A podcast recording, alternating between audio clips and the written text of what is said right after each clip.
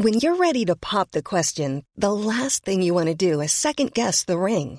At Bluenile.com, you can design a one of a kind ring with the ease and convenience of shopping online. Choose your diamond and setting. When you find the one, you'll get it delivered right to your door. Go to Bluenile.com and use promo code LISTEN to get $50 off your purchase of $500 or more. That's code LISTEN at Bluenile.com for $50 off your purchase.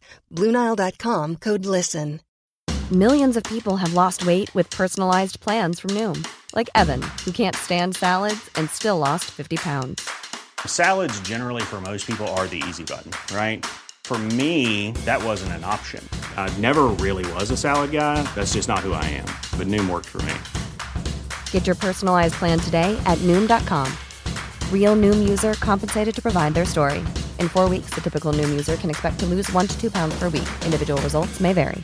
Burrow is a furniture company known for timeless design and thoughtful construction and free shipping, and that extends to their outdoor collection. Their outdoor furniture is built to withstand the elements, featuring rust-proof stainless steel hardware, weather-ready teak, and quick-dry foam cushions. For Memorial Day, get 15% off your Burrow purchase at burrow.com slash ACAST and up to 25% off outdoor. That's up to 25% off outdoor furniture at burrow.com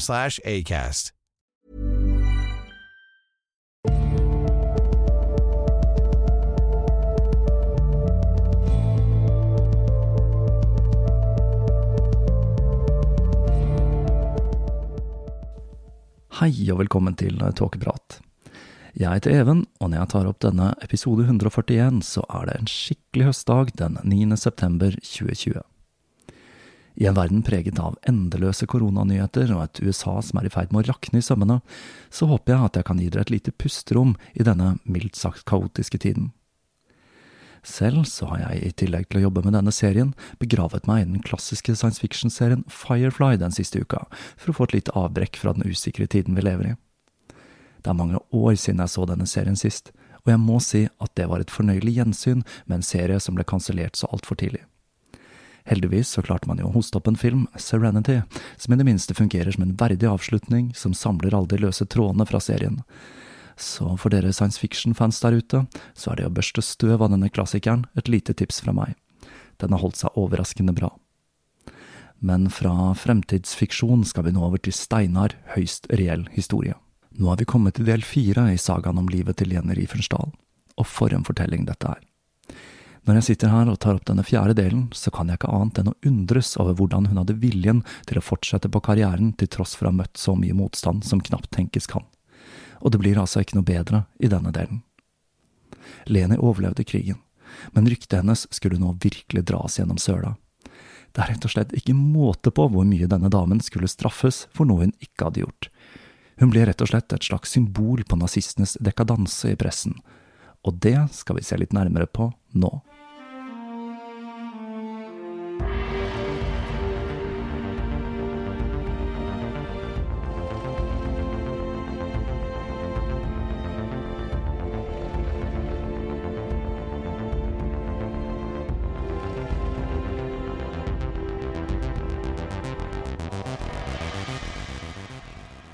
Var juni. Området rundt huset til Leni og familien var så frodig og fullt av blomster at det var mulig å drømme seg vekk fra krigen. Men det var én ting som naget henne.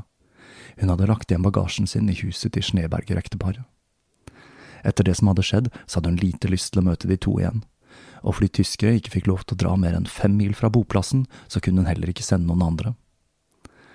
Den amerikanske offiseren Medenbach, som vi husker fra forrige episode, tilbød seg å hjelpe og han kjørte til Hans og Gisela for å hente tingene. Da han kom tilbake, så var han ganske lattermild. For ei fæl kjerring, sa han. Når jeg kom, så sa hun, jeg trodde dere skulle henge alle nazistene i lyktestolper, isteden så redder dere eiendelene deres. Leni saumfarte bagasjen. Gisela hadde tatt alle smykkene og alle verdisakene hennes, men originalene til Olympia, de var der, så hun kunne puste lettet ut. Etter en måneds tid fortalte Medmark at amerikanerne var i ferd med å trekke seg tilbake fra Tyrol, og at området skulle overtas av Frankrike. Han rådet henne på det sterkeste til å bli med og reetablere seg i den amerikanske sonen. Så gjorde Leni noe hun beskriver som et av de største feilgrepene i hennes liv. Hun sa nei. Det var fordi hun hadde lyst til å gjøre ferdig Tiflan. Det ville nemlig ikke være mulig å flytte alt klippeutstyret innen fristen franskmennene hadde satt. I tillegg så følte hun at hun var på godfot med franskmenn. Filmene hennes hadde jo gjort det svært godt i landet før krigen, og hun gledet seg faktisk litt til de kom. Medenbach var skeptisk. Han sa at de franske troppene var veldig uforutsigbare, og at han ikke kunne hjelpe henne når han hadde dratt fra området. Når amerikanerne dro, så fikk hun tilbake huset sitt i akkurat den samme standen det hadde vært når det ble konfiskert. Det eneste minuset med det hele var at Peter ble med amerikanerne. Siden han hadde tjenestegjort på tysk side under krigen, så risikerte han å bli arrestert på ny av den franske okkupasjonsmakten. Først så det hele ut til å gå greit. Alt som skjedde, var at de amerikanske flaggene ble byttet ut med franske. Etter noen dager så begynte hun å få besøk av en gruppe menn som introduserte seg selv som filmoffiserer. De var høflige og spurte om produksjonen av Tiflan. Hun fikk også en invitasjon til den franske guvernøren i Kitzbühel, Jan Reber, og de to pratet i lang tid, og han tilbød seg å hjelpe henne med produksjonen av Tiflan. Et par uker senere stoppet et fransk militærkjøretøy foran huset, og en soldat kom inn og ba henne pakke toalettsakene og følge med. Når hun spurte om hvor de skulle, så fikk hun ikke noe svar, og nå ble hun redd. Det hele måtte være en feiltagelse. Sjåføren kjørte som en villmann, og da en gammel kone krysset veien foran dem, gasset han bare på så hun måtte kaste seg i grøfta, og grisen hun hadde med, ble påkjørt. Leni ble kjørt til Innsbruck. Der ble hun innkvartert hos et gammelt ektepar som visste like lite som henne selv. Hun fikk beskjed om at hun ikke kunne forlate huset før hun fikk en ordre om det. Den neste dagen ble hun transportert til kontorene til det fryktede Døsimemé-byrå, hvor hun ble låst inn på et loftsrom med en feltseng. Døsimemé-byrå, et ord jeg radbrekker, beklager det, kjære fransktalende lyttere, var den franske militære etterretningstjenesten fra 1871 til 1940, men betegnelsen ble brukt til å beskrive den franske etterretningstjenesten også etter 1940. Noen timer senere ble hun hentet og tatt med til et annet rom der det satt en gruppe franske soldater som spiste og drakk. Hun ble beordret til å sette seg ned og se på, men hun fikk verken mat eller drikke. Det samme skjedde den kvelden, og også neste dag. Lene skriver at det var ikke sulten som var verst, men tørsten. Etter den tredje dagen med denne behandlingen fikk hun en kopp te og et stykke brød, før hun ble ført inn i et rom der det satt en kvinne med en skrivemaskin. Etter en lang stund kom en uniformert franskmann inn i rommet og ga henne et dokument på fransk. Det var en ordre gitt av løytnant oberst Andrø, sjefen for sikkerhet i sonen. I brevet sto det at hun måtte forlate området innen 24 timer, og at hun fikk lov til å ta med seg personlige eiendeler, i tillegg til Tiflan og filmer hun hadde laget før 1933. Hun pakket og kom seg på toget, men der ble hun igjen rammet av skrekkelige smerter, og de andre passasjerene ble nødt til å bære henne opp på stasjonen i Kitzbühel, slik at hun kunne komme seg på sykehuset. Når hun endelig var i stand til å sitte oppreist, så hun at sykehuset var omringet av fransk politi. Legen kom tilbake og sa at en fransk offiser spurte om å få treffe henne. Dette var Francois Girard, som introduserte seg som en offiser fra den franske filmdivisjonen i Paris. Leni sa, du vet jeg har blitt beordret til å forlate den franske sonen innen i morgen kveld. Ja, det vet jeg, sa han, men du må ikke dra, vi vil ikke miste deg. Leni viste han dokumentet. Ja ja, dette er fra Sureté, de kan ingenting om film. De aner ikke hva de gjør når de overgir deg og Tiflan til amerikanerne. Jeg er ikke ansvarlig overfor dem, jeg jobber for general Betard, overhodet for det franske militæret i Østerrike, og jeg er her på hans vegne. Surité er det franske sikkerhetspolitiet. Her kan vi jo ane at det er flere avdelinger som hadde sterke meninger i ulike retninger, og det skulle slå dårlig ut for Leni. Leni ble forvirret. Hvem kunne hun stole på? Hun fikk ringe Medenbach og Peter. Begge sa at dette var en felle, og at hun måtte komme seg ut av den franske sonen så raskt som mulig. De sa de skulle sende to biler neste dag for å hente henne og filme henne. Girard ble desperat når han hørte at hun fremdeles ville dra, og han ba henne om en siste tjeneste. Kunne hun arrangere en visning av Tiflan for han og kollegaene på sykehuset? For å få litt fred, så klarte hun å stelle i stand en visning. Neste morgen pakket hun bagasjen, og så fikk hun en telefon. Bilen med Peter og Medenbach hadde blitt utsatt for en ulykke. Peter hadde bare mindre skader, men Medenbach hadde blitt alvorlig skadet og var blitt fraktet til sykehuset. Hva ville skje om hun ikke klarte å overholde fristen? Hun ventet nervøs, og kun to timer før fristen var i ferd med å løpe ut, så kom Peter.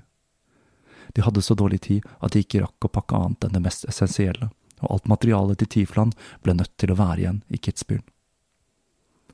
Bare et par minutter etter de hadde dratt, så ble bilen stoppet av en fransk patrulje, og til tross for protestene til Peter og skrikene til Leni, ble de ført inn i franskmennenes bil. Peter forsøkte å roe henne ned, men stemningen i bilen, den var ikke akkurat god, og den ble ikke bedre da den ene franske soldaten i framsetet snudde seg, gliste, pekte på Peter og sa på gebrokken tysk du også i fengsel.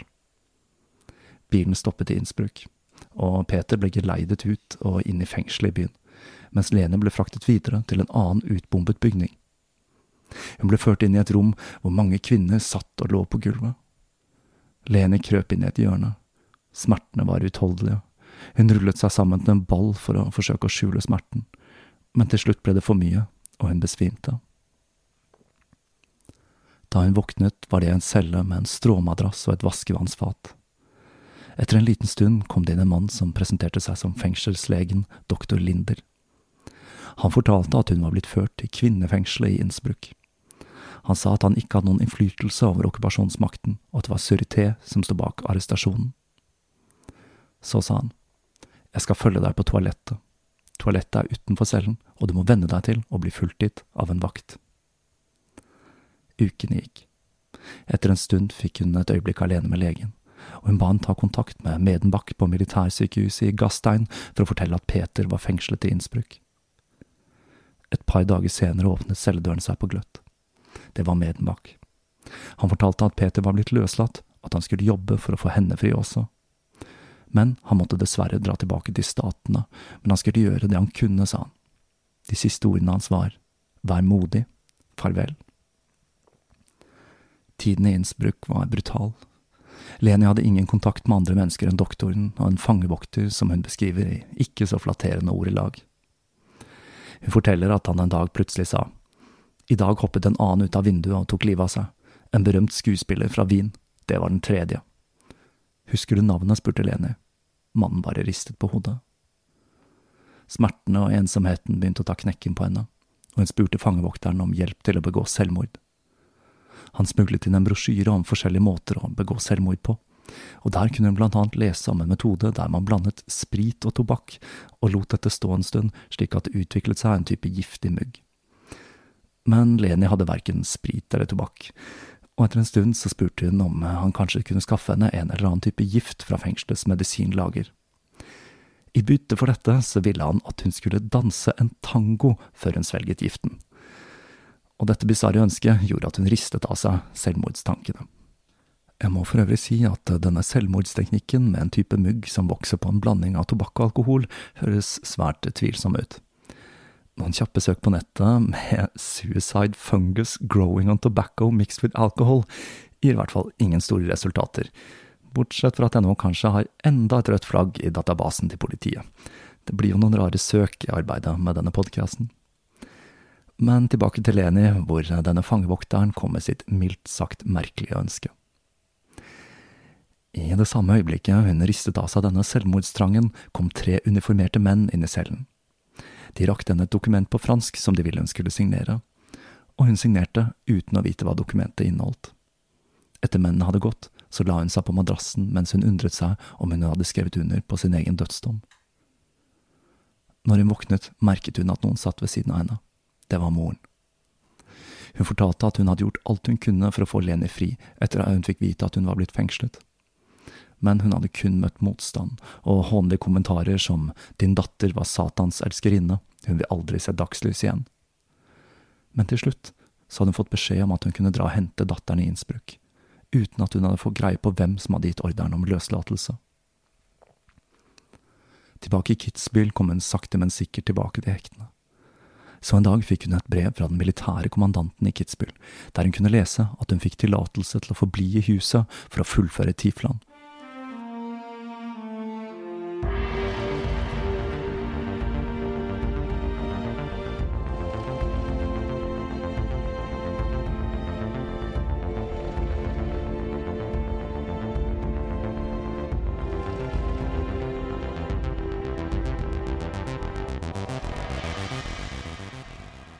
Hele virket som et hån etter fengslingen, men Peter, som nå igjen bodde med Leni og moren, sa at dette var en garanti for hennes sikkerhet i den franske sonen. Men han tok feil. Kort tid etter ble huset omringet av fransk politi, som fortalte dem at de var under husarrest, uten at det ble forklart hvorfor. De måtte bestille mat, og de fikk ikke lov til å ta imot besøk. Noe som høres litt ut som koronakarantene, syns nå jeg. Så begynte ting å bli litt klarere. Hun fikk vite at Gisela hadde blitt observert hos Syrité flere ganger, og at hun hadde fortalt at filmutstyret til Leni hadde vært en personlig gave fra Hitler. Med det så hadde franske myndigheter utnevnt Schneberg-ekteparet som verger for Lenis firma og hennes eiendeler. På toppen av det hele så hadde en fransk avis laget en fotomontasje av Leni i armene til den franske generalen Butard, med overskriften Leni Riefenstahl, Hitlers elskerinne, er nå elskerinnen til vår general Butard. Dette var mest sannsynlig den generalen som hadde fått Leni løslatt, og dette var også en mann hun aldri hadde møtt. Det hele var i komplott gjennomført av det franske hemmelige politiet for å få ham fjernet som øverste leder for den franske okkupasjonsmakten i Østerrike. Hans fiender var nå Lenis fiender. Forholdene i huset ble verre og verre. Først ble telefonlinjen kuttet, og så ble bankkontoene deres beslaglagt, så alle deres personlige eiendeler og filmarkivet, og til slutt selve huset. De fikk beskjed om at de måtte dra, og at de ikke fikk lov til å ta med seg mer enn 50 kilo bagasje per person, og 120 riksmark.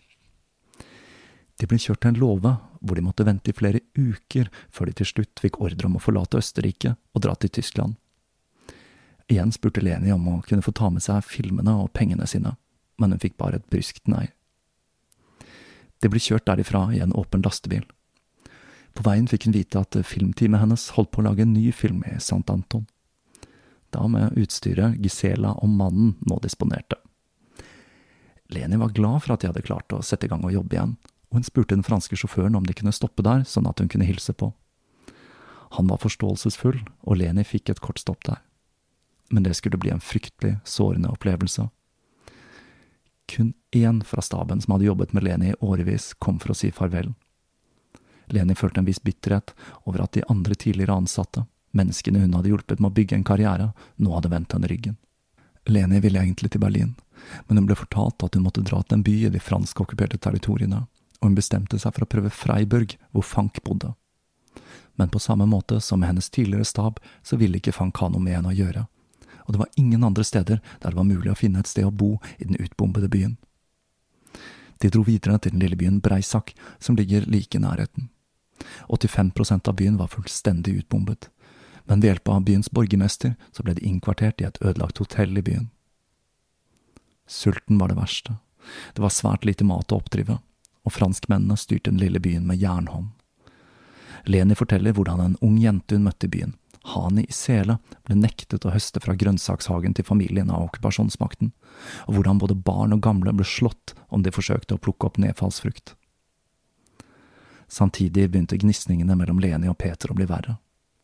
Peter hadde egentlig muligheten til å leve et friere liv, og det at han og Leni bodde oppå hverandre under fransk arrest, gjorde ikke situasjonen bedre. Så, i 1946, ble hun hentet av en fransk politibil som kjørte henne til Baden-Baden.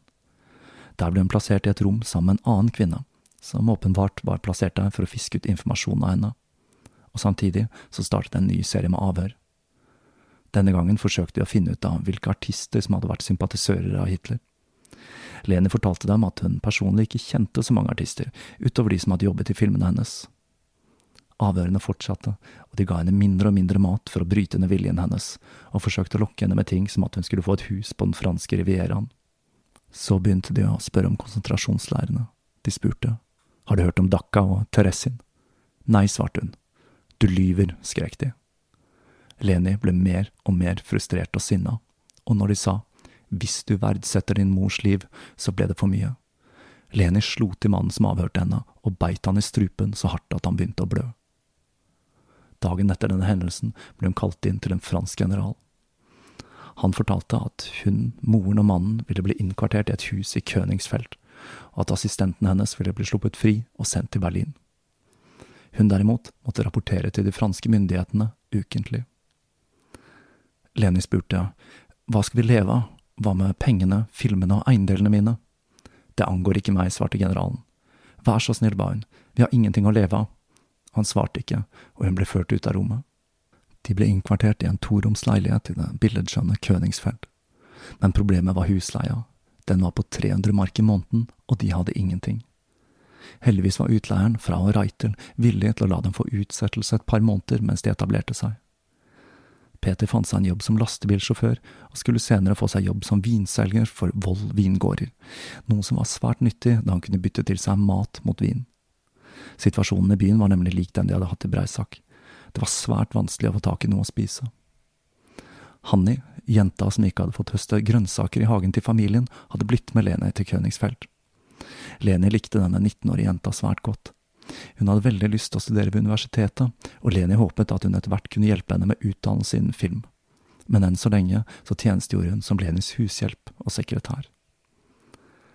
Leni var i et slags limbo. Hun fikk ikke svar på sine mange forespørsler til franske myndigheter. Men når snøen begynte å falle, så begynte hun å få brev fra venner og kjente, og også care-pakker med mat, såpe og andre livsnødvendigheter. Hun fikk også tilsendt klær fra Medenbach og andre amerikanere hun ikke kjente, og det kom godt med i vinterkulda. CARE, eller Cooperative for Assistance and Relief Everywhere, ble opprettet i 1945 for å sende nødhjelp til et utsultet Europa. CARE har alltid gående i 75 år, og i 2020 jobber de blant annet med et program for å hjelpe trengende under covid-pandemien, i tillegg til ting som nødhjelp i katastrofeområder, utdannelse og bekjempelse av fattigdom. Så skulle Leni få en nedslående nyhet. De franske myndighetene hadde tatt alle eiendelene hennes, alt filmutstyret og alle filmene, og fraktet det hele til Paris. Lenis livsverk var ødelagt. På toppen av det hele så hadde sjefen for de franske filmmyndighetene i Tyrol beslaglagt huset hennes og tømt bankkontoene til hun, moren og mannen, med totalt 390 000 mark. Leni sank ned i en dyp depresjon og bestemte seg for å separeres fra mannen. Smertene var også tilbake, og via en lokal lege så klarte hun å få en gratis plass på en klinikk. Et fransk militærkjøretøy kom for å hente henne, og hun trodde at de skulle kjøre henne til klinikken som lå i Feldberg. Etter to timer i bilen skjønte hun at noe var galt. De burde ha vært framme på klinikken for lenge siden. De stoppet foran en stor bygning, og hun ble eskortert inn og tatt imot av en lege og en sykepleier. De to soldatene signerte noen dokumenter, og en sykepleier førte henne til et lite rom og etterlot henne der og låste døren. Leni så rundt seg. Det var gitter foran vinduene, og til og med gitter foran vasken. Til sin forskrekkelse forsto hun hva slags sted dette var. Dette var et mentalsykehus. Doktoren som undersøkte henne, fortalte at hun hadde blitt innlagt der av franske myndigheter, slik at hun kunne behandles for depresjon. Leni beskriver oppholdet som et som er sakset ut av en skrekkfilm, med lange, mørke korridorer fylt med skrikene til de innsatte. Hun ble dopet ned og ble gitt elektrosjokkterapi. Senere skulle hun få vite hvorfor han var blitt sendt dit. En person i fransk filmindustri sendte henne et brev der han forklarte at flere grupper i Paris knivet om rettighetene til filmene hennes, at de derfor ønsket at Leni skulle bli satt ut av spill så lenge som mulig. Etter tre måneder, i august 1947, ble hun sluppet fri. Med kofferten i hånden gikk hun ned steintrappa som tok henne fra mentalsykehuset og ned på gateplan. Noen ventet på henne. Det var Peter. Leni ble overrasket. Hun hadde ikke ventet dette etter hun hadde søkt om skilsmisse. Han fortalte at han hadde fått låne en bil, og at han skulle kjøre henne tilbake til Königsfeld. På vei dit fortalte han henne at skilsmissen hadde blitt godkjent, men han sa også at han håpet at dette ikke ville innebære en total separasjon. Igjen så ba han om at de skulle prøve igjen, og han lovet å forandre seg. Leni brøt sammen. Hun hadde hørt dette løftet så mange ganger før, og nå var hun livredd for at hun skulle gi etter enda en gang. Peter sa han kom til å vente, og at han skulle være der for henne når hun trengte ham. En dag den høsten fikk Leni uventet besøk. Det var en mann som introduserte seg selv som Monsieur Desmarie. Leni var naturlig nok svært skeptisk, men han forsøkte å berolige henne med at han kom med gode nyheter. Han fortalte at han var født og oppvokst i Tyskland, men at han hadde emigrert til Frankrike i 1937 og skiftet navn fra Kaufmann til Desmarie. Videre sa han at eh, både han og kona hans var fans. Fremdeles så var Leni skeptisk. Hva jobber du med, er du fra pressen, spurte hun. Han smilte og ristet på hodet. Nei, jeg er verken en sensasjonssøkende journalist eller en hemmelig agent. Jeg er filmprodusent, sa han, og rakte henne kortet sitt. Leni ble ikke imponert. Han fortsatte. Han fortalte at han og kona var eneeiere av et filmselskap, og at kona var fransk og hadde inngående kjennskap til fransk filmindustri. Så sa han, jeg er her for å forsøke å få deg fri, slik at vi kan redde Tifland. Leni brøt ut i tårer og løp ut av rommet. Etter alt som hadde skjedd, så trodde hun ikke på ham, og tanken på å igjen bli bedratt ble for mye. Moren gikk etter og fikk roet henne ned. Desmarie sa at han var klar over at hun hadde vært igjennom mye, og så fortalte han hva som hadde ført til at han hadde oppsøkt henne. I Paris jobbet han ved Paris Cinematek, og i kjelleren der hadde han oppdaget flere kasser som var merket med Tifland. Til slutt hadde han klart å bestikke lageradministratoren slik at han hadde fått sett på filmrullene, og det han hadde sett, var en ferdigklippet versjon uten lydspor. Så du Tifland? spurte Leni Himmelfallen. Ja, svarte han, og forklarte at han ikke visste om dette var hennes versjon. En fransk filmmaker hadde nemlig jobbet med en egen versjon av filmen i et år, og en fransk gruppe forsøkte å ferdigstille den uten Lenes godkjennelse. Det var antageligvis denne gruppen som hadde forsøkt å rydde henne av veien med å få henne innlagt på mentalsykehus. Han fortalte at de måtte være svært forsiktige, slik at denne gruppen ikke fant ut hva de forsøkte å gjøre. Han hadde nemlig fått tak i en advokat i Frankrike som var villig til å ta saken uten betaling, siden han hadde blitt dypt beveget av Lenes historie. Hun på sin side kunne ikke saksøke franskmenn siden hun var tysk. Det de trengte fra henne, var en edsvoren redegjørelse der hun gjorde greie for alt som hadde skjedd mens hun hadde vært under arrest i den franske sonen. Hvorfor vil de gjøre dette for meg, spurte Leni mistenksom. Vel, jeg er en businessmann, sa han og trakk på skuldrene. Jeg vil du skal fullføre Tiflan, og at vi skal dele profitten. Leni svarte. Om jeg får tilbake friheten min, så bryr jeg meg ikke om pengene, du kan ta alt. Like etter besøket fikk hun en pakke fra ham, med sjokolade, sukker og medisin, samt et brev hvor han understreket hvor mye det hastet med denne redegjørelsen. Men så ble det stille, og Leni fryktet at hun igjen hadde blitt ført bak lyset. Men i januar så begynte hun å motta brev fra advokaten, og like etter kom Desmarie på besøk igjen, denne gangen med to kontrakter. Han skulle få verdensomspennende rettigheter til alle filmene hennes, Profitten skulle deles 50-50, og hun skulle legge frem alle filmideer og prosjekter til firmaet hans. Og han skulle ha rettigheten til publikasjonen av alle hennes åndsverker, inkludert bøker, i en periode på ti år. I tillegg skulle alt konfiskert filmmateriale overleveres firmaet hans, L'Atelier Francais. Leni signerte uten å blunke. Alt for å slippe situasjonen hun befant seg i.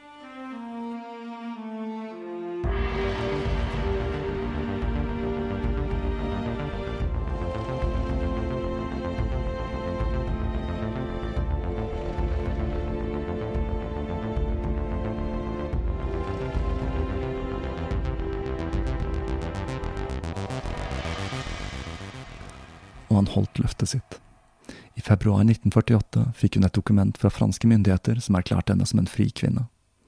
Etter tre år i arrest var hun endelig fri igjen, og advokaten hadde til og med klart å få tilbakeført pengene myndighetene hadde konfiskert. Men så, så ble rettskjennelsen om å tilbakeføre eiendelene trukket tilbake. Denne gangen var det på grunn av Lenis gamle bekjente, Louis Trenker, som vi husker fra hennes dager som skuespillerinne i Fank sine filmer. Han hadde nemlig publisert noe han sa var Eva Brauns dagbok, og franske aviser var fulle av overskrifter som Leni danset naken for Adolf. Advokaten skrev til Leni at selv om han trodde at disse historiene var fabrikasjoner, så kunne han ikke gjøre noe før hun kunne bevise at denne dagboken var en forfalskning. Leni skjønte først ikke hvordan en mann hun hadde skiltes som venner med, kunne stå bak slike rykter om henne, og hun skrev et brev til Trenker der hun ba ham forklare hva som hadde skjedd men svaret hun fikk, var nedslående. Han nevnte ikke boka med et eneste ord, men insinuerte at han hadde blitt forfulgt av nazister under krigen, noe Leni visste ikke var sant. Han var absolutt ingen nazisympatisør, men han hadde laget flere filmer som hadde blitt godkjent og vist i Nazi-Tyskland, noe som gjorde at brevet virket hyklersk. Like etter kom Desmarie og kona på besøk. De fortalte at boka hadde hatt en eksplosiv effekt i Frankrike, og at de nå hadde blitt beskyldt for å være nazikollaboratører, som en følge av skandalen. De sa at eh, dersom hun ikke klarte å bevise at boka var en forfalskning, så ville det bli svært vanskelig å ferdigstille Tifland. Igjen virket muligheten for å bli ferdig med Tifland som en fjern drøm. For å gjøre alt enda mer komplisert, så klarte Peter å overbevise henne om at de skulle gifte seg på ny. Men klok av skade så sa hun at de først skulle forsøke å leve sammen i seks måneder, om han klarte å holde seg på matta i denne perioden, så kunne de gifte seg. Men det klarte han ikke, for plutselig så forsvant han, og Leni fikk et brev fra en ung kvinne i Hamburg som skrev at Peter nå bodde der, og at han hadde lovet å gifte seg med henne. Men Peter ga ikke opp av den grunn. Han kom tilbake til Königsfeld i et forsøk på å overtale henne til å ta ham tilbake. Leni visste at hun ville ha vanskeligheter med å si nei, så moren hjalp til med å gjemme henne, før det hele ble for mye og hun bestemte seg for å dra. For første gang på flere år forlot hun den franske sonen og satte kursen mot München. Når hun overnattet i Augsburg, så fikk hun seg et lite sjokk. Ting i den amerikanske sonen var helt annerledes enn i den franske. Hun hadde vent seg til at det var en enorm mistillit mellom tyskere og okkupasjonsmakten, men alle der var glade. Amerikanske soldater sang allsanger på tysk sammen med de som bodde der. Ulikheten var slående. I Soln, like ved München, fikk en bo svigermoren, som til tross for at hun visste at ekteskapet med sønnen hadde skjært seg, tok henne hjertelig imot. Også her var folk muntre, og de oppførte seg som om krigen aldri hadde funnet sted. Derfra dro hun videre til Rosenheim for å hente en del gjenstander fra hennes og morens hus som hadde blitt oppbevart på en låve der. Men det skulle vise seg at den lokale ordføreren hadde tillatt tre dager med plyndring etter krigen var slutt, og alt var vekke. Men med alt hun hadde vært igjennom, så plaget ikke dette henne så veldig, og hun dro på en restaurant for å spise. Mens hun satt der og spiste suppe, så undret hun seg over den lystige atmosfæren. Det hele var så annerledes enn hva hun hadde gjennomlevd i den franske sonen. Etter en stund kom eieren av restauranten bort til henne. Han fortalte at han var et fan av filmene hennes, og tilbød henne å låne hytten hans i Wendelstein, noe hun gjorde, og igjen var Leni tilbake i sitt rette element i fjellene. Der møtte hun en tidligere flamme, Hans Ertel, som hadde vært med å produsere Olympia, og de to fortalte om alt de hadde opplevd siden sist de var sammen. Etter hvert så begynte de også å snakke om Trenkers publisering av Eva Branns dagbok. Ertel fortalte Lenin noe svært interessant. Han visste nemlig at en av kameramennene, Gorter, hadde fått et brev av Trenker, der han spurte om han hadde noe Ready to pop the question? The jewelers at BlueNile.com have got sparkle down to a science with beautiful lab grown diamonds worthy of your most brilliant moments. Their lab grown diamonds are independently graded and guaranteed identical to natural diamonds, and they're ready to ship to your door. Go to BlueNile.com and use promo code LISTEN to get $50 off your purchase of $500 or more. That's code LISTEN at BlueNile.com for $50 off. BlueNile.com code LISTEN. Hey, it's Ryan Reynolds, and I'm here with Keith, co star of my upcoming film, If, only in theaters, May 17th. Do you want to tell people the big news? All right, I'll do it. Sign up now and you'll get unlimited for $15 a month in six months of Paramount Plus Essential Plan on us. Mintmobile.com slash switch. Upfront payment of $45 equivalent to $15 per month. Unlimited over 40 gigabytes per month. Face lower speeds. Videos at 480p. Active Mint customers by 531.24 get six months of Paramount Plus Essential Plan. Auto renews after six months. Offer ends May 31st, 2024. Separate Paramount Plus registration required. Terms and conditions apply if rated PG. informasjon om Eva Braun. Trenker hadde skrevet at dette var til en artikkel han skulle skrive for en italiensk avis. Om Leni klarte å få tak i dette brevet, så visste hun at hun ville være ett skritt nærmere å avsløre at dagboken dreide seg om en forfalskning. Like etter skulle hun få mer hjelp. En av dommerne fra Nürnberg-prosessen tok kontakt med henne, og han fortalte at de var kjent med at denne boken dreide seg om en forfalskning, at amerikanske myndigheter hadde blitt informert, og at hun kunne få tak i dokumentasjon på dette via krigsdepartementet i Washington. Flere strakk ut en hjelpende hånd, og hun ble også rådet til å oppsøke Eva Brauns familie.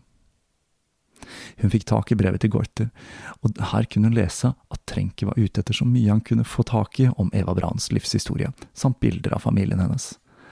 Han skrev at den italienske avisen skulle betale han 30 000 lire for historien, og at Gorter kom til å få halvparten av dette i form av matrasjoner om han klarte å få tak i informasjon. Brevet ble avsluttet med det litt avslørende Du må ikke fortelle noen om dette. Gorter ble ekstremt opprørt da han forsto at han uvitende hadde vært delaktig og sverte Leni, slik at Tiflan ble holdt igjen av franske myndigheter. Og hun fikk låne brevet slik at hun kunne lage bekreftede kopier. Og nå begynner hva jeg vil beskrive som en eneste lang strøm av rettssaker der Leni Riefenstahl måtte forsvare seg mot beskyldninger, åndsverkstyveri og forfalskninger. Så skulle livet til tyskere bli snudd på hodet. Den 21. juni 1948 ble det gjennomført en økonomisk reform når Riksmarken ble byttet ut med Deutsche Mark, og alle pengene som var satt inn i banken, ble verdiløse. De som hadde hatt penger i banken, ble utstyrt med 40 mark i erstatning, uansett hvor mye de hadde hatt på konto tidligere. Med 40 mark i lomma dro Leni til München på jakt etter familien til Eva Braun. Der falt hun for fristelsen til å spise på en dyr restaurant, og hun bestilte seg gås med rødkål og poteter til nette sum av seks mark. Det kan være verdt å nevne for å forstå hvor lite 40 mark faktisk var. I München fikk hun vite at familien til Eva Braun hadde ansatt en advokat som forsøkte å bevise at dagboken var en forfalskning. Møtet med familien til Eva skulle derimot være litt vanskelig. Advokaten fikk ordnet et møte med Evas eldste søster, men hun mistenkte at Leni samarbeidet med Trenker. Men når hun så hvor fortvilet Leni ble, så begynte hun å innse at hun kanskje hadde tatt feil, og hun spurte om hvorfor hun selv ikke hadde saksøkt Trenker. Svaret hun fikk var enkelt. Jeg har ikke penger, svarte Leni. Så søsteren foreslo at Leni kunne bli medsaksøker i saken deres, og at hun kunne søke om juridisk bistand. Det var i denne prosessen hun skulle møte sin advokat, doktor Gritschneder, som skulle forbli Lenis forsvarer i årtier. Rettssaken begynte den 10. september 1948. De kunne ikke saksøke Trenker da han befant seg i Italia, og tyskere ikke kunne saksøke utlendinger. Men de saksøkte forlaget som hadde publisert boka i Tyskland. Denne saken varte kun i noen få timer, da bevisene for at dette dreide seg om forfalskning var overveldende. Det var deler av boka som var direkte kopiert fra andre kilder, og saken til saksøkeren var så sterk at forlaget valgte å ikke anke. Men til tross for at hun vant, så skulle denne dagboken forfølge henne som en skygge, og skulle være med og gjøre det svært vanskelig for Leni å utøve kunsten sin. Denne dommen var også svært viktig for Lenin når hun sto foran sin første denazifiseringsdomstol den 1. desember samme år. Komiteen kom fram til at hun ikke hadde noen tilknytning til NSDAP eller hadde vært politisk aktiv. Men så, så protesterte franske myndigheter på dommen, og den 6. juli 1949 måtte hun gjennom den samme prosedyren igjen. Denne domstolen kom fram til at det til tross for mange rykter og skriverier i pressen, ikke fantes belegg for at Leni hadde et forhold til noen av lederne i Det tredje riket. Tvert imot så fant de bevis på det motsatte på grunn av vitneutsagn. Men igjen så protesterte Frankrike på rettskjennelsen. Jeg må jo si at Frankrike kommer ganske dårlig ut i denne historien. Så skulle hun få hjelp fra uventet hold.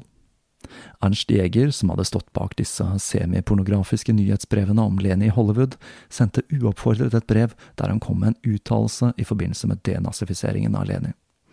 Han skrev at hun hadde brukt store summer på å forsvare og støtte kunstnere som hadde blitt sensurert under krigen, til tross for at hun selv ikke hadde vært bemidlet. Han nevnte blant annet også at hun hadde en jødisk lege, til tross for de strenge antijødelovene i Det tredje riket. I tillegg skrev han at hun var mislikt av mange maktpersoner i NSDAP, og at de så på henne som en ambisiøs artist som motsatte seg ordre. Senere skulle Jeger forklare at han hadde blitt hjemsøkt av ekstrem skyldfølelse etter å ha satt en stopper for karrieren hennes i USA, og etter å ha publisert nyhetsbrevene. Leni trodde på han, og tilga han.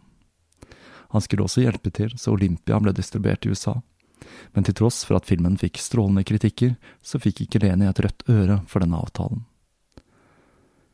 Men til tross for at hun ble frifunnet gang på gang, så fortsatte skitkastingen. Avisene skrev ikke noe om disse rettssakene, men spredde tvert imot flere løgnhistorier, og bygde på myten om at Lene Riefenstahl var NSDAP-toppenes leketøy. Det gjorde at det var svært vanskelig for henne å skaffe seg en jobb. Og sammen med Hani så forsøkte hun å skrape sammen litt penger ved å selge vin hun distribuerte for ektemannen. Så skulle enda en bombe gå av. Den 1. mai 1949 publiserte Review, et magasin basert i München, en artikkel om Tifland, som igjen dro Leni inn i rettssalen. I denne artikkelen ble det påstått at Leni hadde oppsøkt konsentrasjonsleirer for å finne sigøynere som kunne opptre som statister i filmen, og at hun, for å finne hovedrolleinnehaveren, Pedro, hadde fått 2000 infanterister til å marsjere fram og tilbake foran henne, til hun til slutt hadde valgt ut han som skulle spille rollen. Disse skriveriene tegnet rett og slett et bilde av Leni Riefenstahl som får henne til å høres ut som Irma Grese, den kanskje mest kjente av de kvinnelige vokterne i konsentrasjonsleirene. Jeg tar for så vidt for meg historien hennes i serien Døtre av Det tredje riket. Når forsvareren til review under rettssaken sa Tiflan må aldri vises, for du er djevelens egen regissør, så kollapset Lenny. Men heldigvis for henne så var det ikke vits i å si stort mer. For vitnene hadde alle bekreftet Lenys versjon av historien. Vel, det vil si utenom én. En romanikvinne, Johanna Kurs, som vitnet for review, fortalte at hun hadde sett flere av de som var med i filmen, bli gasset i Auschwitz men da hun begynte å nevne navnene til disse, så falt det heller fra hverandre, for disse personene var i høyeste grad i live. En av disse, Antonia Reinhardt, fikk høre om rettssaken og skrev et brev til Leni der hun tilbød seg å hjelpe. Hun skrev at hun også kunne ta med seg flere av familiemedlemmene som var med i filmen, om det var nødvendig. Og brevet ble avsluttet med Vi ser frem til å se deg igjen, med de vennligste hilsener, din Antonia. Retten var også klar over at de aktuelle scenene i Tifland ble spilt inn i 1940 og 41, og at nazistenes forfølgelse av sigøynere ikke startet før i mars 1943. Så leiren disse personene kom fra, var ikke en konsentrasjonsleir, men en samlingsleir for det vandrende folket. Lene Riefenstahl ble frifunnet på alle punkter, og redaktøren i Review ble dømt til å betale 600 mark i erstatning eller sone 20 dager i fengsel, i tillegg til da å dekke kostnadene til rettssaken. For å toppe det hele så oppsøkte forsvareren til Review Leni like etter sommeren, og han ba om unnskyldning for tingene han hadde sagt under saken. Han sa at han i løpet av saken hadde innsett at historien i Review var basert på løgn, og han ble ekstra opprørt når stjernevitnet deres, Johanna, viste seg å ha fabrikkert historien fra Auschwitz. Det hører også med til historien at hun ble dømt for mened etter denne saken. Men det at hun vant rettssaken, stoppet ikke ryktene og historien om at Lene Riefenstahl brukte fanger fra konsentrasjonsleirer i filmene sine, er et som fremdeles holder stand frem til den dag i dag. Det skulle bli flere rettssaker, men til tross for at hun ble renvasket gang på gang, så skulle hun aldri helt klare å riste av seg denne historien.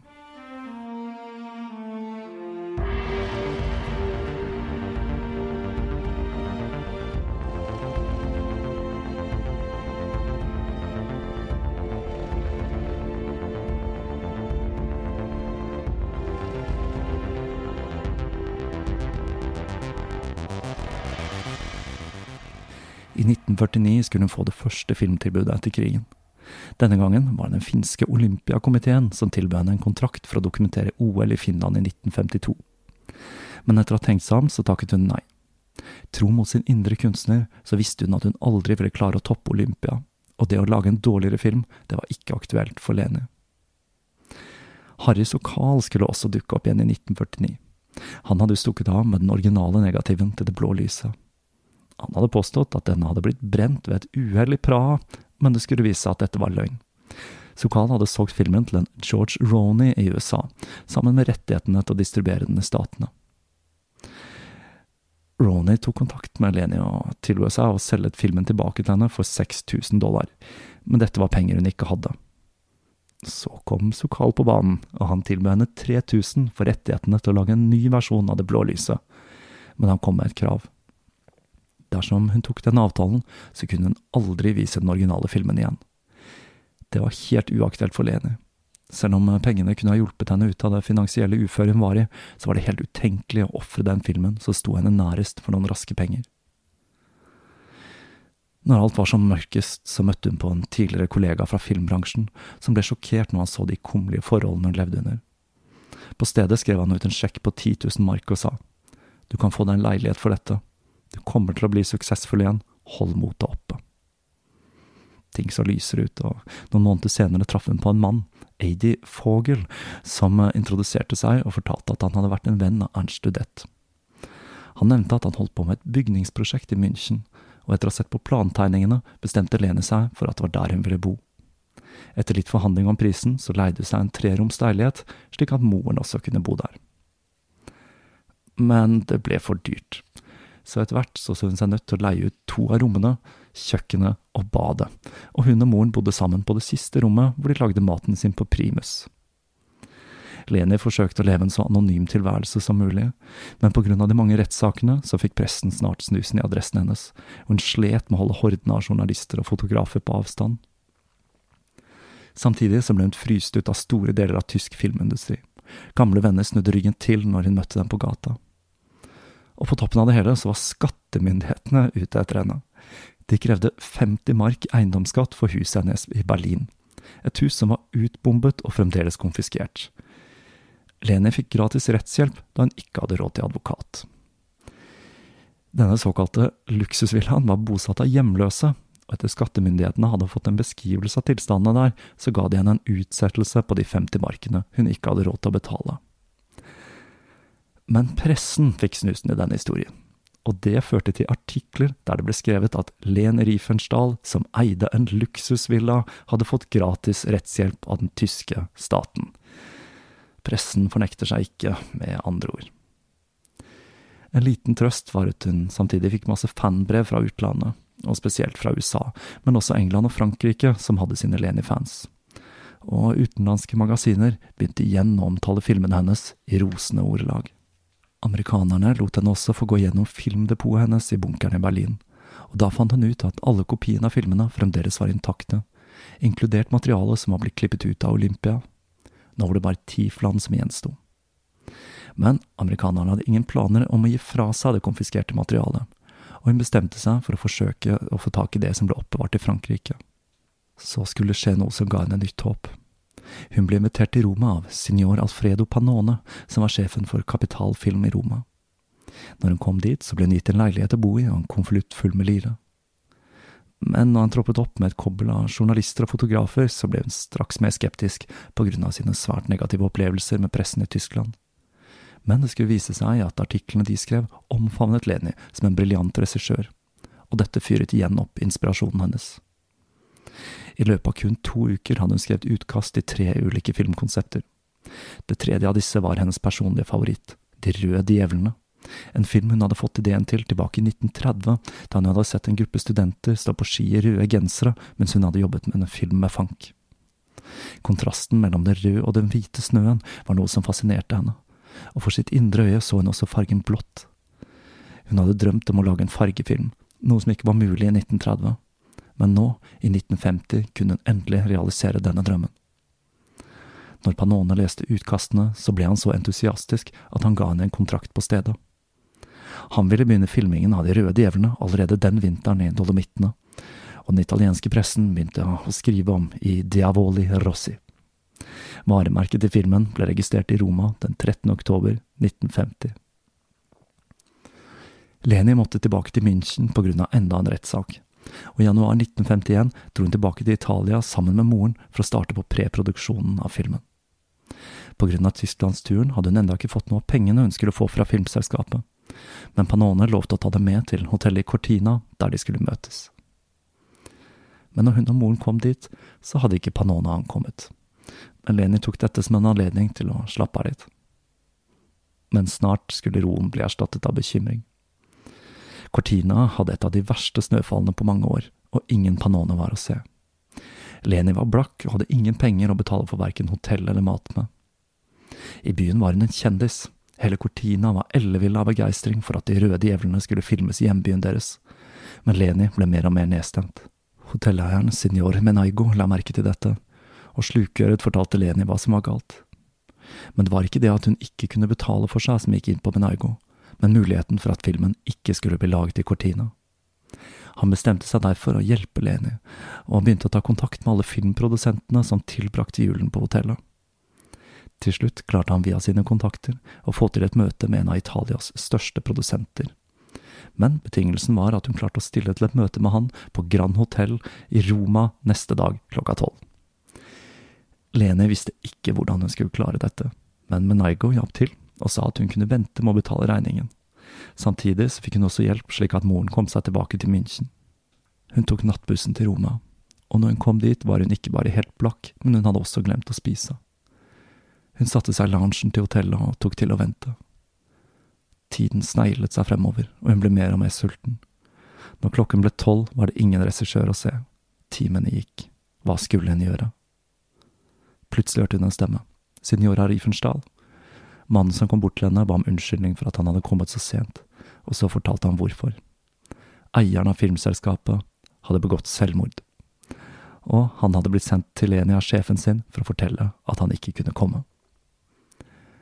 Leni satt der lenge etter mannen hadde dratt. Hva nå? Til slutt forlot hun hotellet og begynte å vandre hvileløst rundt i rommet. Igjen en stemme. Leni, Leni Riefenstahl? Hun snudde seg.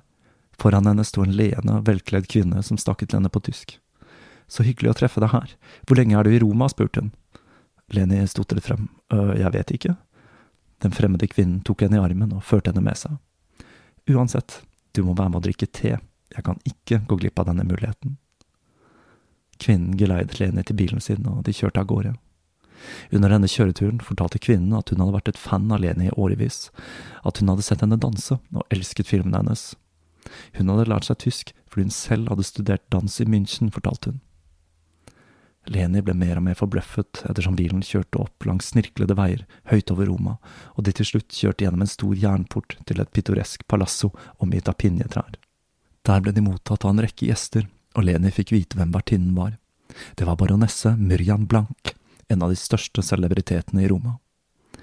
Endelig fikk Leni mat, men litt forlegen så forsøkte hun å skjule hvor utsultet hun faktisk var. Baronessen insisterte på at hun skulle bli der noen uker, og det førte til at Leni levde et dobbeltliv. I palassoet levde hun i luksus, men baronessen hadde ingen anelse om hvor lutfattig Leni faktisk var. Om morgenen pleide baronessen å kjøre henne til Roma sentrum, hvor hun gjorde sine ting, mens Leni vandret rundt i byen, uten engang å ha råd til en bussbillett eller et måltid. Hun hadde en flybillett hjem, men den var bare gyldig fra Cortina, og hun turte ikke å spørre noen om å få låne penger. Med alt stresset så ble hun igjen syk, og baronessen fortalte at hun hadde en lege som kanskje kunne hjelpe. Denne legen var en tysker som hadde emigrert til Italia i 1928, og han fortalte at det var åpenbart hva som var feil. Nå er ikke jeg akkurat en lege, men som jeg skjønner det, så hadde hun en form for kronisk urinveisinfeksjon som hadde ødelagt deler av blæren hennes. Legen sa videre at det fantes en kur med det nye medikamentet streptomycin, som er en type antibiotika jeg mener jeg husker jeg fortalte historien om i serien Den usynlige fienden. Men så kom legen med en advarsel. For å kurere denne infeksjonen så måtte hun ta daglige injeksjoner i to måneder, og det var en risiko forbundet med dette hun risikerte å bli døv. Leni hun var villig til å ta den risikoen, men at hun ikke hadde råd til å betale for behandlingen. Legen rakte henne medikamentene og sa det er en gave, du skylder meg ingenting. Leni fullførte denne kuren, og med det så var hun kurert for plagene som hadde fulgt henne i store deler av livet. Etter dette skulle hun få vite hvorfor Panone ikke hadde møtt opp som avtalt. Når en av medeierne i firmaet hadde oppdaget at han hadde signert en kontrakt med den beryktede Lene Riefenstahl, så hadde han blitt rasende. Panone hadde nektet å gi opp prosjektet, og dermed hadde alle kontoene til firmaet blitt fryst, og firmaet hadde blitt oppløst, og Panone hadde flyktet utenlands uten å oppgi bostedsadresse. Leni klarte til slutt å ordne seg en togbillett til München, men så, dagen før avreise, fortalte baronessen at det var en hun ville Leni skulle møte før hun dro det var Francesco Waldner, den mest kjente astrologen i Roma. Denne astrologen fortalte henne at hun ikke burde dra fra byen, fordi det var en stor mulighet for henne der. Han sa videre at han hadde en klient som hadde et horoskop som var så kompatibelt med hennes at de to bare måtte møtes. Det gjorde at baronessen ble veldig ivrig, og hun overtalte Leni til å bli et par dager ekstra. Hun fikk avtalt et møte med denne mannen, som viste seg å være professor Ernsto Grammasio, som var den østerrikske konsulgeneralen i Roma. Leni beskriver denne mannen som en nesten karikert italiensk mann, og skriver at dersom hun hadde vært en ung pike, så hadde hun blitt imponert. Han snakket svært fort og begynte å vise frem bilder av alle kjendisene han hadde møtt. Hjelpe meg, han mangler jo bare at han forærer henne en medaljong med bilde av seg selv. Til slutt så inviterte han henne ut på middag, og litt skeptisk så takket hun ja. Men under middagen så viste han seg fra en helt annen side, og hun slapp til og fortalte litt om seg selv og situasjonen hun var i. Han reiste seg og sa, Vi skal jobbe sammen, i morgen starter vi et firma. I morgen, svarte Leni fortumlet. I morgen, slo han fast, og han sto ved det. Når hun troppet opp på kontoret hans neste dag, ble hun tatt imot av Gramasio og en mann han introduserte som sin manager. Hun ble gitt en konvolutt med et brev der det sto at Gramasio hadde instruert at hun skulle bli utbetalt to millioner 500 000 lire den 1. mars samme år. Det var en svimlende sum som tilsvarte 50 000 mark. Leni ble perpleks. Kramasio bare lo og sa at det kun var startsummen på en relansering av det blå lyset. De to signerte en kontrakt og dannet Iris Film, hvor de skulle være de eneste eierne. Det skulle vise at Gramasio var ekstremt effektiv, og han ordnet møter med flere av Italias mest kjente regissører, som Roberto Rossellini. Igjen smilte skjebnen til Leni, og hun dro til Tyskland for å finne en tysk samarbeidspartner til Iris Film. Med kopiene av Det blå lyset i bunkeren i Berlin, og ved hjelp av komponisten som hadde laget musikken til originalversjonen, så begynte hun å klippe filmen på ny. Dette var materiale som hun kjente svært godt, og klippingen gikk som en drøm. Etter hun var ferdig, etablerte hun den tyske avdelingen til Iris Film, og begynte å planlegge innspillingen av De røde djevlene. Ting så lyst ut. Den 21. november 1951 hadde den nye versjonen av Det blå lyset premiere i Roma, og den ble en kjempesuksess. Men siden Italia var mettet med film i den perioden, var det vanskelig å gjøre profitt på filmen. Så Leni forsøkte seg på hjemlandet, hvor filmen hadde gjort det så bra før krigen. I Tyskland var hun igjen i rampelyset, og Leni ble overrasket over hvor positiv pressen var. Men så begynte sladderet igjen. Igjen så var det denne Blekka Review som hadde trykket en skandalehistorie. De skrev at hun hadde vært vitne til en massehenrettelse av jøder i Polen, og beviset de hadde, var bildet vi husker ble tatt av Lenin når hun forsøkte å forhindre at de tyske soldatene angrep polakkene i Konski i forrige episode. Leni hadde blitt kontaktet av fotografen et år tidligere, han hadde forsøkt å presse henne for penger og truet med å publisere bildet dersom hun ikke betalte. Hun nektet, og nå skulle det straffe seg. Dette førte til at de fleste tyske kinoer boikottet den nye utgaven av Det blå lyset, og den økonomiske støtten hun hadde blitt lovet fra tysk side til produksjonen av De røde djevlene, ble trukket tilbake. Den samme historien ble også spredt i Frankrike, og med det stoppet også den franske distribusjonen, og Tifland ble igjen konfiskert av franske myndigheter så var det Italias tur til å lese historien. Det førte til at Gramasio ble rasende, og han krevde at Leni skulle tilbakebetale alle utlegg han hadde hatt i forbindelse med det blå lyset. Det hele ble for mye for Leni, som igjen, forståelig nok, brøt sammen. Hun orket ikke tanken på flere rettssaker, og istedenfor tok hun kontakt med den berlinske denazifiseringsdomstolen, slik at de kunne avkrefte historien i review.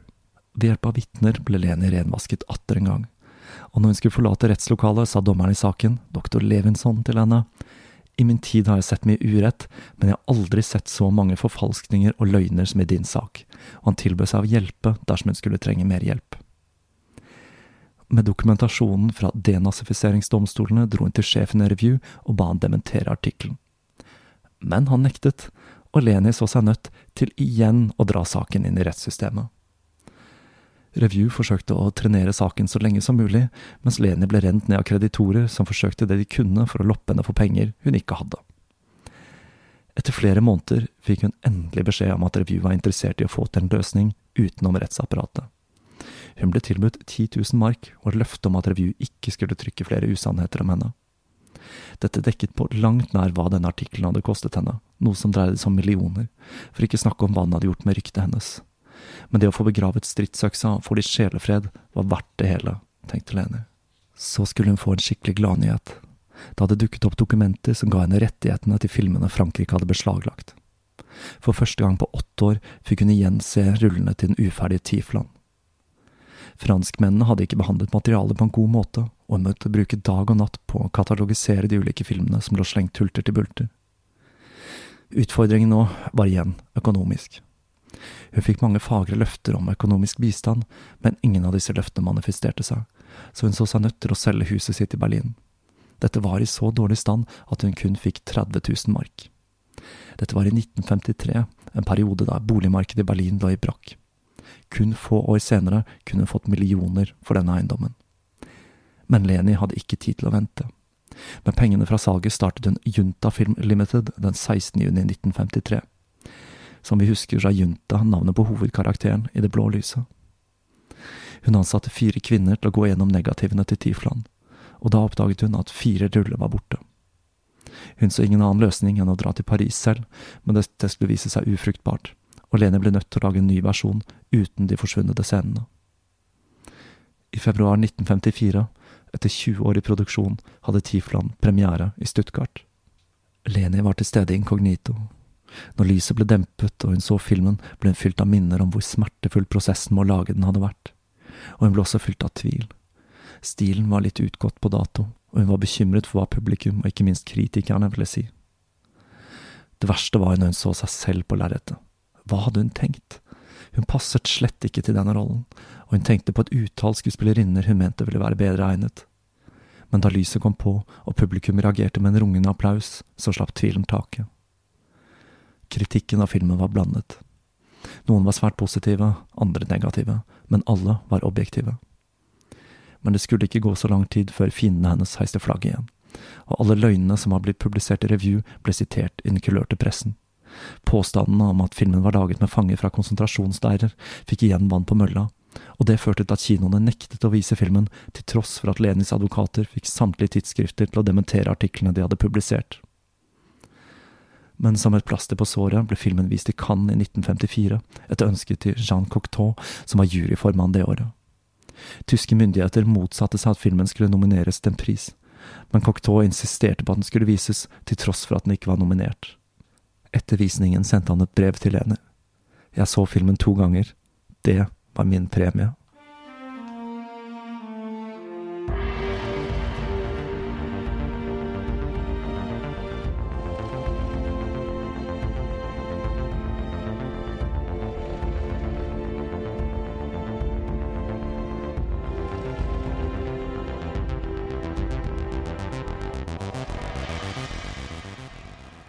Der forlater vi Leni for denne gang. Jeg går ut ifra at dere som har fulgt med i denne serien, forstår hva jeg mener når jeg sier at Leni Riefenstahl levde et spektakulært liv. Men det som er saken, er at vi på langt nær er ferdige. Nå skulle nemlig Leni begi seg inn i en rekke nye prosjekter, og det på et nytt kontinent. I neste episode skal vi se litt nærmere på hva som førte Leni Riefenstahl til Afrika, og hva som gjorde at hun etter hvert så på et lite stammesamfunn i Sudan som sin egen familie. Når jeg startet på denne serien, var jeg skikkelig usikker på hvor i dybden jeg skulle gå i den delen av historien. Men nå som jeg har dekket både oppvekst, skuespillerkarriere, regissørkarriere og alt kontroverset som fulgte, så føler jeg at jeg må til bunns i den delen av historien også, noe som blir forsterket av at det har vært ganske stor interesse rundt denne serien. Jeg vil vel tippe at Lene Riefenstahl ikke har fått så mye oppmerksomhet her til lands siden visningen av Olympia og besøket hos kongefamilien. Jeg satser på at jeg skal klare å komme meg gjennom denne epoken av livet hennes med to episoder.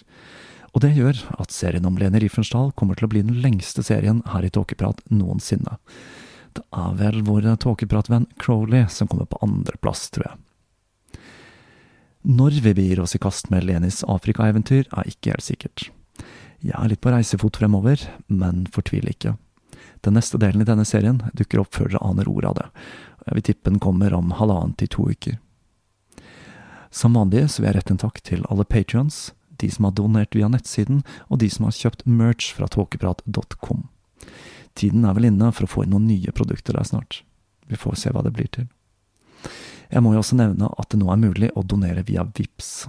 Det er takket være en lytter som spurte etter den muligheten, og jeg ser at flere allerede har benyttet seg av det, så takk til dere. Dette er dessverre foreløpig bare mulig til donasjoner og ikke nettbutikken. Vipps-koden til Tåkeprat finner dere på nettsiden rett over donasjonsknappen. Jeg kommer også til å legge den til i episodenotatene til denne episoden. Så fram til vi følger Leni på nye eventyr i Afrika, gjenstår det bare å si på gjenhør.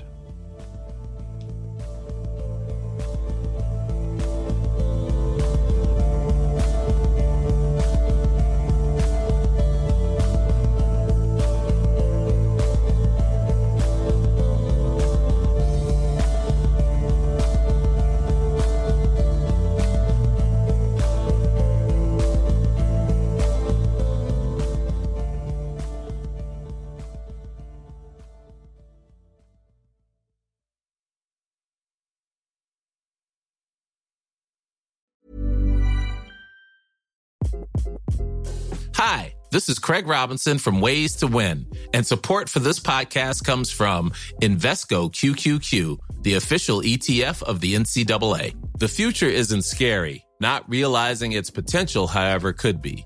Just like on the recruiting trail, I've seen potential come in many forms as a coach. Learn more at Invesco.com slash QQQ. Let's rethink possibility. Invesco Distributors, Inc. Planning for your next trip? Elevate your travel style with Quince. Quince has all the jet setting essentials you'll want for your next getaway, like European linen, premium luggage options, buttery soft Italian leather bags, and so much more. And is all priced at 50 to 80% less than similar brands. Plus, Quince only works with factories that use safe and ethical manufacturing practices.